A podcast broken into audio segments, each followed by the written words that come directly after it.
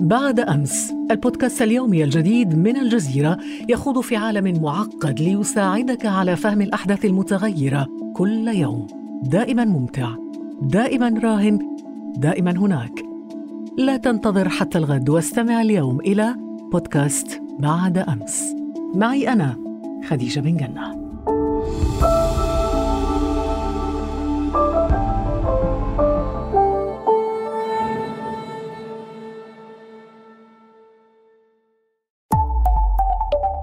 الجزيرة بودكاست.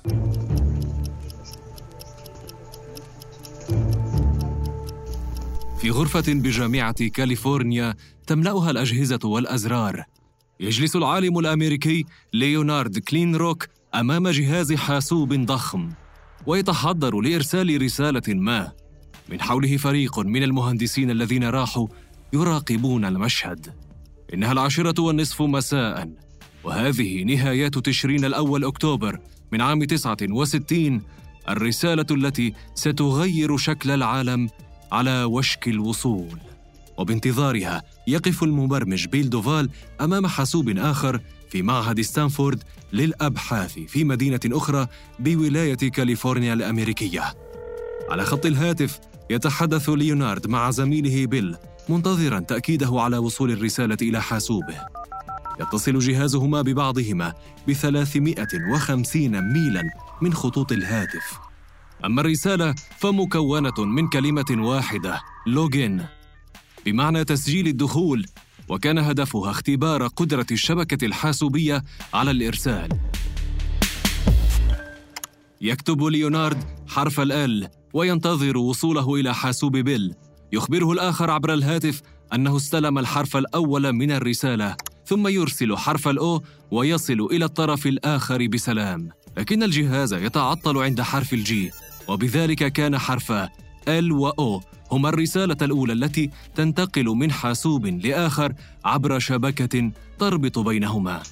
كان ذلك اختبارا لشبكة أربانيت الصغيرة التي تعمل بتقنية تبديل الحزم أو packet switching ربما لم يعرف مخترعوه أنه كان اختبارا لابتكار جديد سيغير شكل اتصالنا إلى الأبد وسيعرف لاحقا بالإنترنت.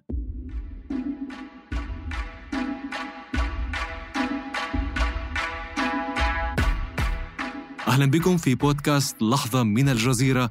أنا فريد وهذه الحلقة بعنوان ولادة الإنترنت.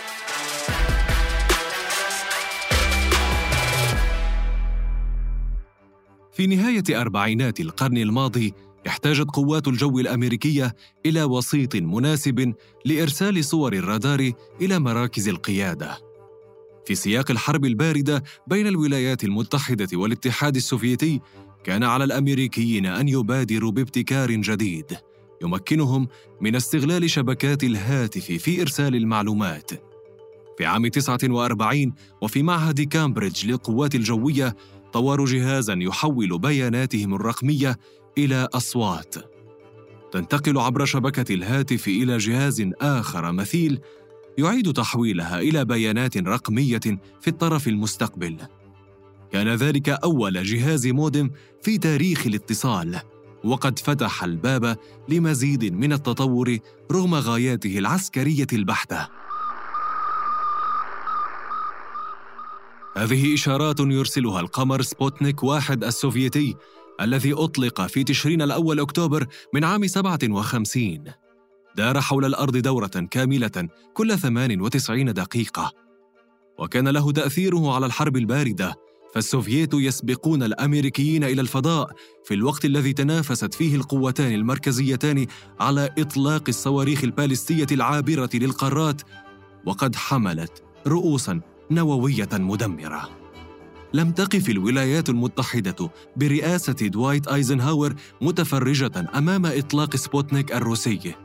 في مطلع عام 58 دعمت الإدارة الأمريكية الجهود العلمية والتكنولوجيا مولت الأبحاث التي كثيرا ما دعمت من وزارة الدفاع وأنشأ أيزنهاور وكالة مشاريع الأبحاث المتطورة آربا. هكذا ربط التطور التكنولوجي في هذه الفترة بالطموحات العسكرية وقد ساعدت الحرب الباردة على توفير الموارد الاقتصادية والتقنية لصالح البحث. ركزت أربا أبحاثها على تكنولوجيا الفضاء والصواريخ البالستية ورغم إشراف وزارة الدفاع عليها كانت إدارتها موكلة إلى مدنيين لا عسكريين أراد أيزنهاور بهذه الخطوة أن يكبح الخلاف القائمة بين القوات البرية والجوية والبحرية على برنامج الفضاء الأمريكي. أحب الرئيس الأمريكي مجتمع العلماء وأحاط نفسه بهم. كان أول رئيس يقيم حفلا في البيت الأبيض يقدم الطاقات العلمية والهندسية كضيوف شرف.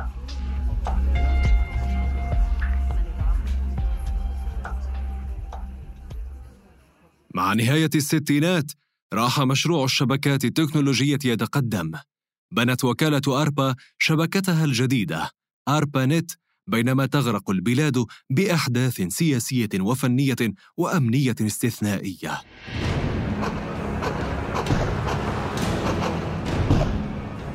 التدخل الأمريكي في فيتنام يبلغ ذروته.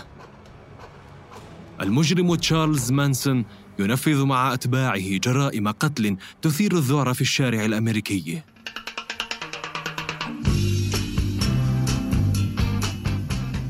مهرجان وودستوك يجذب أربعمائة ألف حاضر من محبي موسيقى الروك الشعبية.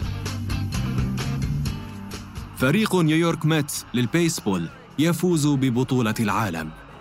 لكن الحدث الأهم من بين كل تلك الأحداث كان على وشك الوقوع في غرفة بجامعة كاليفورنيا في مدينة لوس أنجلوس الأمريكية وبدا أن أحدا لم يلحظ.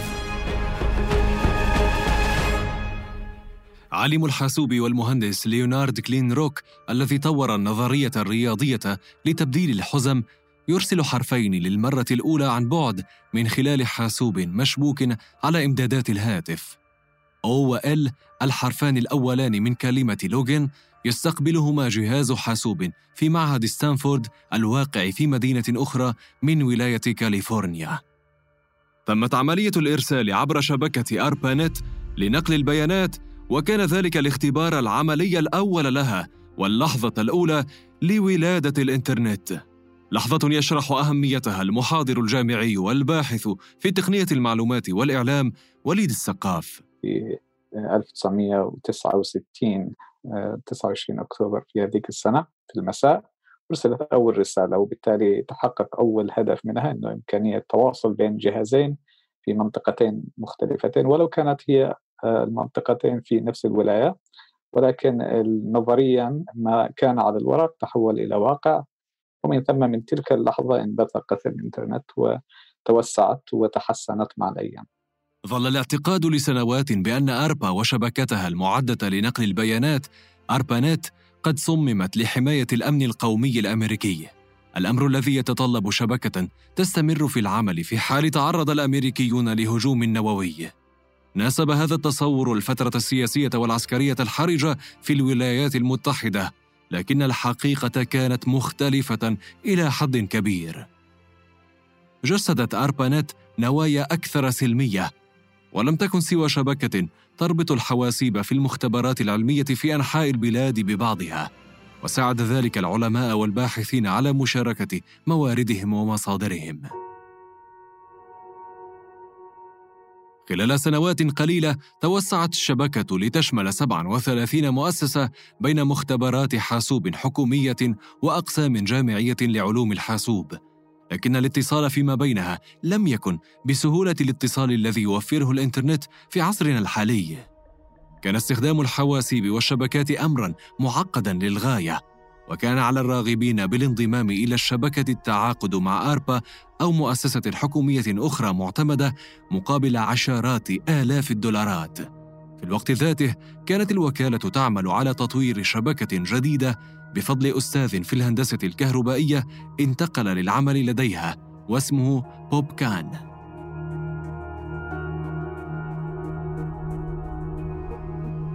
بادر كان بتشييد شبكة تستخدم موجات الراديو لنقل البيانات. استثمر تمويل ARPA وأنشأ شبكة PRNET وبحلول عام 75 أثبتت الشبكة قدرتها على نقل البيانات الرقمية المشفرة وبأمان أعلى من رسائل الراديو التقليدية وهو ما جذب المنظومة العسكرية. هكذا راحت الشبكات تتطور واحدة تلو الأخرى وصار اسمها شبكات الإنترنت. أما آربا فاستمرت في التوسع دربت مجتمعا من الباحثين وطلبة الدراسات العليا وظلت تتصدر المجال خلال عقد الثمانينات. أنشئت تحت إطارها شبكة عسكرية اسمها ميلنت كرست بالكامل للاتصالات العسكرية بمعزل عن أربانت التي ظلت متخصصة في المجال البحثي والعلمي حتى توقفها عام 90 كان من أبرز الشبكات الناشئة في منتصف الثمانينات شبكة NSFNET والتي أنشأتها المؤسسة الوطنية للعلوم. بحلول عام 88 جرت ترقية سرعتها إلى واحد ونصف ميجا بايت لكل ثانية وكانت بمثابة نقلة نوعية لأول استخدام للإنترنت على نطاق واسع. احتوت على العديد من الشبكات وأجبرت التقنيين على حل المشكلات الفنية التي واجهت المستخدمين الذين ربطت حواسيبهم بها. مع مطلع التسعينات انضمت المزيد من الحواسيب للشبكة بينما بحثت الكثير من البيانات عن سبيل للوصول. وقد تجاوز الأمر حدود الولايات المتحدة الأمريكية. علم الحاسوب والمهتم في مجال السياسات وتكنولوجيا المعلومات عيسى محاسنه يتحدث عن هذا التوسع الجغرافي. من هنا صار فكرة أنه الإنترنت أصبحت شبكة عالمية. آه، موضوع بطل يكون آه، محصور خلينا نحكي في الولايات المتحدة. آه، وصل إلى أوروبا وصل إلى جميع القارات حول العالم وصار في عنا تواصل صار في عنا تشبيك واتصالات على مستوى العالم ككل. يمكن أهم شيء ما كان موجود في في وسائل الإعلام السابقة يعني لو مثلا لو قارنا الإنترنت مع الراديو أو مع التلفزيون عادة بوسائل الإعلام التقليدية في عنا ناشر واحد للمعلومة وعدة متلقيين لنفس المعلومة. أه، الإنترنت سمح لنا كوسيلة إنه يكون في عنا عدة ناشرين للمعلومة وعدة مستقبلين لها. صار في عنا أه، إلى حد ما تفاعل بين المستخدمين فيما بينهم. فلنقل الاتصالات التقليدية قبل الإنترنت حتى يمر شخص أو تمر رسالة من جهة إلى أخرى كانت تتطلب ما يسمى بسنترال أو الجهة المسؤولة المركزية المسؤولة لنقل الرسالة. ولكن بوجود الإنترنت لا توجد لا يوجد فعلا مركز الإنترنت فأصبحت النظرية أو التقليد المعمول به في السابق في نقل المعلومة عبر مركز آه، قديمة وتحولت إلى لا مركزية في الاتصالات مما أعطى آه، تغيير جذري في طريقة التحكم في الشبكة. يعني أصلا الفكرة من وراء اختراع الإنترنت بطريقة مفتوحة ولا مركزية إنه الإنترنت فعلا كان آه، نموذج حي للديمقراطية بس عن طريق التكنولوجيا. حقبة جديدة فتحت على مصراعيها أمام العالم. ثورة معلوماتية كان الفضل فيها لابتكار جديد اسمه متصفح الويب اخترعه تيم بيرنرز لي أحد عباقرة الإنترنت في عام 89 عندما اخترع تيم بيرنرز لي اخترع الويب واخترع أول server خاص بحفظ مستندات ال HTML ووضع وضع بروتوكول HTML الذي يسمح بسحب الصور والسحب الفيديو. هذه طبعا كانت مرحلة مهمة لبداية نهضة الإنترنت. كونها في الماضي كانت أصعب بكثير للمستخدم العادي. كان كثير من الأشخاص الذين يودون استخدام الإنترنت كانوا يتطلب منهم علم بعلوم الحاسوب علم الكمبيوتر برمجة وبعض التقنيات. ولكن اللي عمله تيم بيرنز لي إنه حاول يوجد لغة آه، ممكن آه، تسمح للإنترنت إنه يكون لها آه، واجهة تفاعلية مع البشر. فكان بالأصل إنه الإنترنت عبارة عن توصيل بين أجهزة حاسوب. فهي مجرد أجهزة مبعثرة حول العالم تتواصل فيما بينها ولكن كان ينقصها الجانب الإنساني فلنقل الاختراع الذي أوجده تيم بيرنرز لي إنه آه، أوجد ال World Wide Web هو الجزء آه، خلينا نحكي الجزء الظاهر من الإنترنت الجزء الذي نتفاعل معه إحنا كبشر مع الإنترنت بما يتضمن من نصوص وثائق محتويات فيديو صوت آه، صور وما إلى ذلك. وليد السقاف يحدثنا عن ذكرياته الأولى مع الإنترنت كطالب في هندسة الحاسوب. فكانت طريقة التواصل عندها بأجهزة terminal يسموها أجهزة عليها نظام Unix آه، وكان بالإمكان استخدام النصوص فقط. لم تتح آه، في تلك الفترة إمكانية استخدام المتصفح. ولكن آه، في البداية كنا فرحين لأننا استطعنا أن نصل إلى خدمات موجودة على في مناطق أخرى من العالم. فكان هذا في بداية التسعينات حدود 92 بعد سنة يمكن بعد مرور سنة من ذلك الوقت استخدمت أول متصفح أتذكر كان اسمه موزايك. وكانت يعني انطباعي عندما رأيت الصورة تصلني عبر الإنترنت كان انطباع جميل يعني لن أنسى تلك اللحظة. والصورة كانت تهبط شيئا فشيئا سطر بسطر كانت السرعة بطيئة جدا جدا. فكانت على مراحل وكل مرحلة كانت مدهشة في تلك الأيام. بفضل الويب انتقل الإنترنت للاستخدام التجاري والمنزلي والشخصي وصارت الشركات تتنافس في إنتاج متصفحات الويب وكان في طليعتها مايكروسوفت. شيئا فشيئا كانت الشبكة العنكبوتية تدخل الدول العربية ومنطقة الشرق الأوسط عموما لكن مع فارق سنوات من التأخير. بصراحة توسع الإنترنت كان أيضا يتطلب يعني تشبيك البنية التحتية بين القارات. طبعا هذا يتطلب على المزيد من من الجهد مع الأخذ من الاعتبار إنه هناك كوابل وهناك بنية تحتية بين القارات تحت المحيطات بحيث إنه آه، تربط هذه الشبكات في في بعضها. وهذا تطلب الكثير من الاستثمارات الكثير من المال. فكان من طبيعة الحال إنه الدول العربية أيضا تأخرت في طبعا آه، تبني الإنترنت. منتصف التسعينات كثير من الدول كانت لديها الدول العربية كان لديها إنترنت. أنا كنت في حينها عندما تخرجت من الجامعة عدت إلى اليمن آه، كنت اذهب آه، من تركيا إلى اليمن سنويا تقريبا وكانت في منتصف التسعينات هنالك خدمة إنترنت متوفرة عبر تل يمن وكانت توضع, توضع فيها مواقع محدودة جدا جدا. بينها أتذكر أني ساهمت في تصميم أول موقع آه، لصحيفة يمنية. كانت السرعة طبعا بطيئة وكان عدد المشتركين يعني لا يتجاوز ربما المئة في 96 أو 95 ولكن في آه، ذلك الوقت كانت بدايات فهم أن هنالك إمكانية لأن تكون هذه التكنولوجيا مهمة فأتوقع في بين 90 و 95 و 96 كانت هي هذه المرحله البدايات الأولى لوجود هذه المواقع البسيطة ومن ثم طبعا أصبحت الثورة في بداية ال 2000 في كل المنطقة العربية. في بداية الألفية أصبح بإمكان المتصلين بالإنترنت أن يتشاركوا الملفات والرسائل الفورية عبر البريد الإلكتروني. بات بالإمكان تصفح الويب وشراء بعض المنتجات عن بعد. بدايات الإنترنت في المنطقة العربية يعني أنا أتذكر على سبيل المثال آه، في الأردن عندما بدأت الانترنت في الأردن بدأ بأمرين مهمين. الأمر الأول كان متعلق في تحرير سوق الاتصالات وهذا كان شبيه أيضا للدول العربية الأخرى إنه معظم شركات الاتصالات كانت ملكية الحكومات والدول. الكثير من الدول اتبعت النهج الأردني بأن سوق الاتصالات أصبح حرة ومع تحرير هذا السوق أصبح أيضا سوق الإنترنت أيضا موجودا ومفتوحا لعدة شركات. ومن جهة أخرى كان مثلا في الأردن كان هناك أيضا سياسة على مستوى الدولة بأن تكون الإنترنت مساحة مفتوحة للجميع. فبالتالي لا تحكمها القوانين الخاصة مثلا بالمطبوعات الورقية أو بالإذاعات وبالتلفزيونات وبالتالي يمكن للجميع الاتصال بالإنترنت.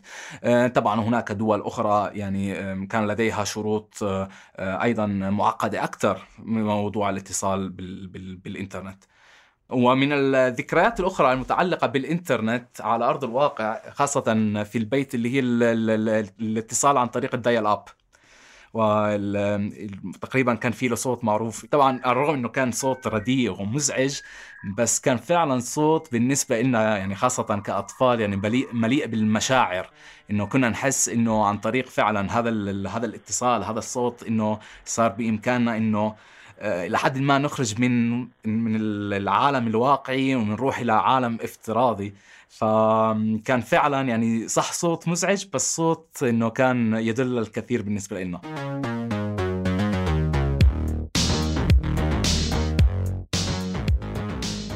ظلت النسخة الأولى من الويب تعاني من قصور لا يتناسب مع الحاجات المتزايدة لدى المستخدمين هؤلاء الذين لم يعودوا يقتصرون على النخب العلمية والتقنية. مع تطور الإنترنت وتطور التكنولوجيا ومع الابتكار الرقمي الذي شاهدناه في في آخر عشر سنوات أصبحت لدينا إنه تجربة مستخدم غنية أكثر بحيث إنه صار بإمكاننا إنه آه، يكون في عنا فيديوهات صار في بيكون في عنا virtual reality augmented reality حاليا على الإنترنت. وأيضا تجربة المستخدم من ناحية إنه المواقع أصبحت سهله أكثر وأيضا سريعة أكثر يستجيب على ما تتفاعل مع الناس بشكل أكثر. والاهم من ذلك أصبحت لدينا أيضا وسائل التواصل الاجتماعي اللي آه، سمحت للناس بالتواصل المستمر وإيجاد مجتمعات كاملة على الإنترنت مجتمعات افتراضية. هذا عادة ما نسميه هو الويب 2.0 اللي هي الاصداره الجديده من الإنترنت. ومن ثم أتت ما يسمى بمواقع التواصل الاجتماعي مثل MySpace التي آه، بدأت هذه النهضة بأن يضع الأشخاص آه، رأيهم مباشرة على الإنترنت. وأصبحوا هم ينتجوا المادة هذا شجعهم والتواصل بين الأشخاص بالصوت عبر سكايب في 2003 هذه جميعا ساهمت طبعا ولا ننسى فيسبوك عندما آه، بدأت في عام 2004 وبعدها مباشرة أصبحت مسألة الإنترنت آه، شبه طبيعية لكل الدول وكثير من المنظمات آه، العالمية التي ساهمت في دعم الإنترنت في دول العالم فلنقل النامية دعمتها بحكم إنها تساعد الاقتصادات الوطنية للنهوض كانت كلها يعني متجهة باتجاه دعم قطاع الإنترنت بشكل كبير إلى أن توصلنا أعتقد العام الماضي لاكثر من 50% من سكان العالم لديهم اتصال بالإنترنت. هكذا تطورت شبكات الإنترنت واتصل بها ما يقارب 60% من البشر بعد أن كانت مقتصرة على خبراء الحواسيب والتقنية. غيرت شكل اتصالنا وتواصلنا وجمعت مليارات البشر في فضائها الافتراضي حتى اعتبرت من أهم الاختراعات في تاريخ الإنسانية.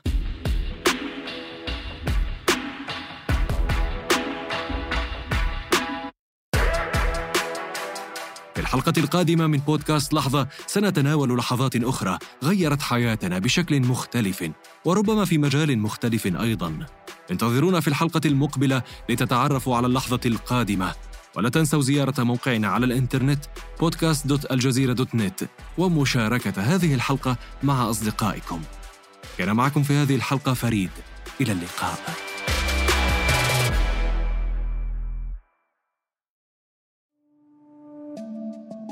بعد أمس البودكاست اليومي الجديد من الجزيرة يخوض في عالم معقد ليساعدك على فهم الأحداث المتغيرة كل يوم. دائما ممتع دائما راهن دائما هناك.